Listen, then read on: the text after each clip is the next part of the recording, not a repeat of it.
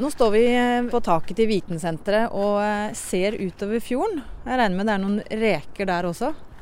Det er det helt sikkert eh, i Tromsøsundet. Jeg vet ikke akkurat eh, hvor, hvor, store rekeforekomstene er her.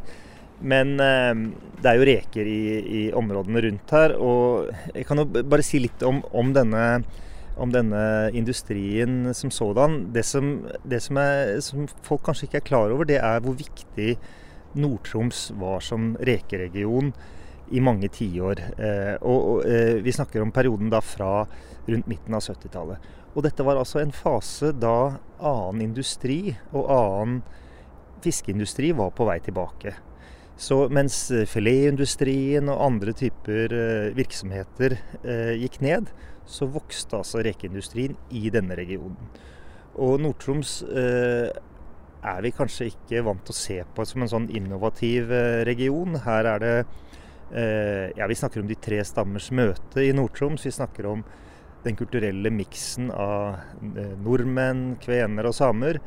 Og det er også et sted hvor læstadianismen har stått veldig sterkt.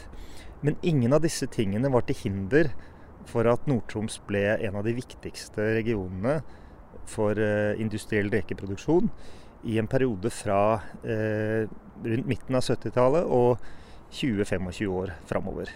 Dette er jo også knyttet opp mot teknologi. Hvor er den koblingen? Fram til 70-tallet så var eh, rekenæringen i stor grad basert på håndpilling.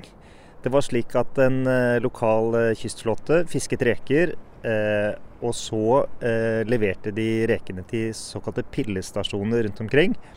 Og så satt det folk, som regel kvinner, og pillet reker for hånd. Pakket dem i, i bokser, og så ble dette her eh, eksportert. Men så skjer det da en liten revolusjon, en teknologisk revolusjon, med at det blir innført eh, industriell maskinpilleteknologi. Så teknologien er i høy grad til stede. Den eh, førte til at arbeidet forandret seg veldig.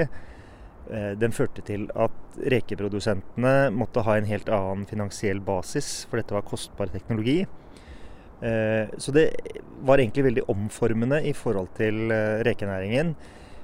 Mens tidligere, altså før pilleteknologiens innføring, så var det tilstrekkelig at, at de lokale reketrålerne leverte.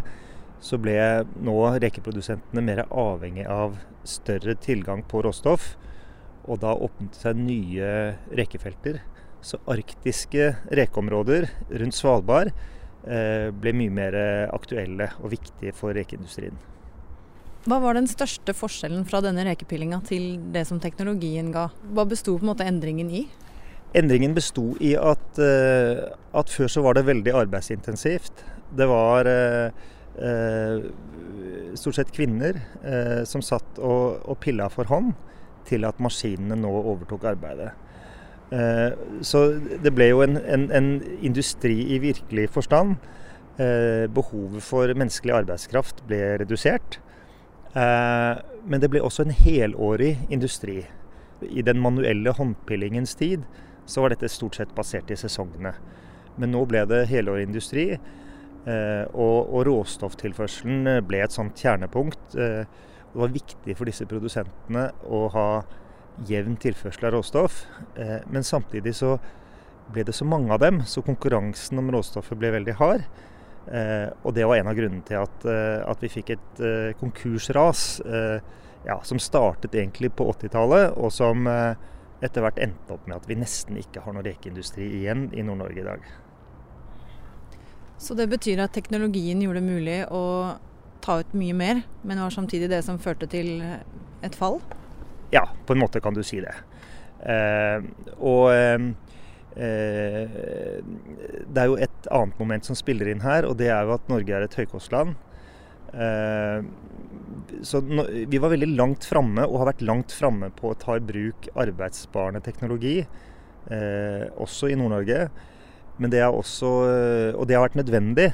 Eh, men samtidig så har ikke norsk rekeindustri greid å konkurrere eh, med andre land eh, der arbeidskostnadene er lavere, og, som har andre forutsetninger egentlig for, eh, for rekeproduksjon. Og rekeeventyret tok slutt. Det ble en altfor stor kapasitet av maskiner. Og, og rekeflåten var rett og slett ikke i stand til å forsyne de mange produsentene med nok råstoff. Hvordan er situasjonen i dag, da? Nei, I dag har vi eh, noen få produsenter igjen som eh, overlever. Eh, et av dem ligger eh, i, i, Lyngen. Eh, lyngen reker, som de fleste kjenner til. Eh, der det fremdeles er en viss rekeproduksjon. Men de tar også imot mye, mye fersk reke som, som sendes på til markedene her i, i nærområdet. Eh, det er fremdeles en eh, ganske vital rekeflåte i Nord-Troms eh, med, med, kystfartøyer. Så rekenæringen lever, men den har ikke det samme omfanget som den hadde tidligere. Ser du på dette som en uunngåelig utvikling? På mange måter så gjør jeg nok det. Fordi at dette har sin, sin, parallell i annen norsk industrihistorie.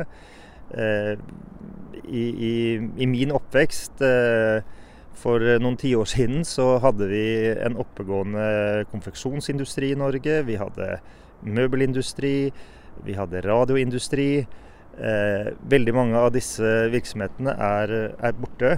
Og den samme utviklingen har vi sett innenfor eh, fiskerinæringa. Eh, frossenfiskindustrien, som vi også hadde, eh, som også var veldig stor. Vi hadde altså over 100 filetbedrifter i Norge. Eh, nå har vi bare noen få igjen. Så på mange måter så er dette en, en utvikling som, eh, som, nok er eh, uunngåelig. På den annen side så har vi jo andre deler da, av sjømatnæringa som eh, ennå greier å, å, opprettholde en stor virksomhet. Eh, Oppdrettsnæringa. Eh, der er det på lakseslakteriene fremdeles eh, stor aktivitet. Men, men da i stor grad med innleid arbeidskraft fra utlandet. I hvilken grad vil du si at teknologien har vært med på å, å rasere arbeidsplasser? Altså, det, kunne man gjort det på en annen måte for å unngå at det ble sånn? Det er, det er vanskelig å si. Eh, vi er opptatt av at eh, fiskerne skal ha en god pris for de, eh, for de varene de leverer. Eh, vi er opptatt av at vi skal ha et, eh, et høyt lønnsnivå i Norge. Vi har et lønnsnivå i Norge som er høyere enn våre konkurrentland. Ehm, så eh, jeg vet ikke. Ehm, jeg tror at den der struktureringen som skjedde innenfor rekenæringen, at den i stor grad var uunngåelig.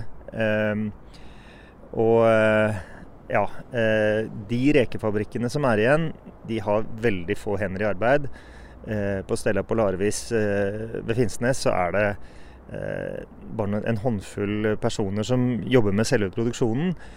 Så det er klart, eh, dette er veldig automatisert. Så i mål til antall arbeidsplasser så tror jeg nok at ikke det kunne vært eh, til å unngå at, eh, at, reduksjonen var så stor som den ble. Vi står jo og ser ned på noen trålere her. Er det noen av de som har med seg reker? Det er det neppe. Jeg ser ikke hvilken tråler som ligger der nede. Det kan hende at de har en, en rekekonsesjon, men, men jeg klarer ikke å se herfra hvilken tråler det er. Den vanligste reketråleren i, i nordnorsk eh, fiskerinæring er atskillig mindre enn den vi ser her nede. da. Men det har vært eh, absolutt store, store reketrålere også. Men som sagt, jeg greier ikke helt å plassere den vi ser her nede. Har de noe sted å levere her? Her kan de levere Ja, de store trålerne leverer eh, til, eh, til Stella Polaris. Eh, i Kårvik havn. Og så er det også eh, på Senja, i Senja Open så er det også en produsent som, som fremdeles driver med produksjon av, av, av, reker. Og så har vi da som sagt eh, i, i Lyngen, Lyngen reker, eh, Lenangshøyra, som, som, tar imot reker. Men, men, der er det stort sett fra de lokale og regionale mindre reketrålerne. Hvordan ser framtida ut for rekeindustrien? Nå er jo jeg historiker og skal være litt forsiktig med å spå om framtida. Men eh, jeg tror at, eh, at eh, rekenæringa kommer til å holde seg sånn som Lyngen reker holder på. Så, så tror jeg det er en stor framtid. Men at det skal bli veldig, veldig mange flere arbeidsplasser, det tror jeg ikke noe på. Men at reke fremdeles skal være et nordnorsk produkt, og at rekenæringa fremdeles skal ha en stor betydning i denne regionen, det er jeg helt sikker på.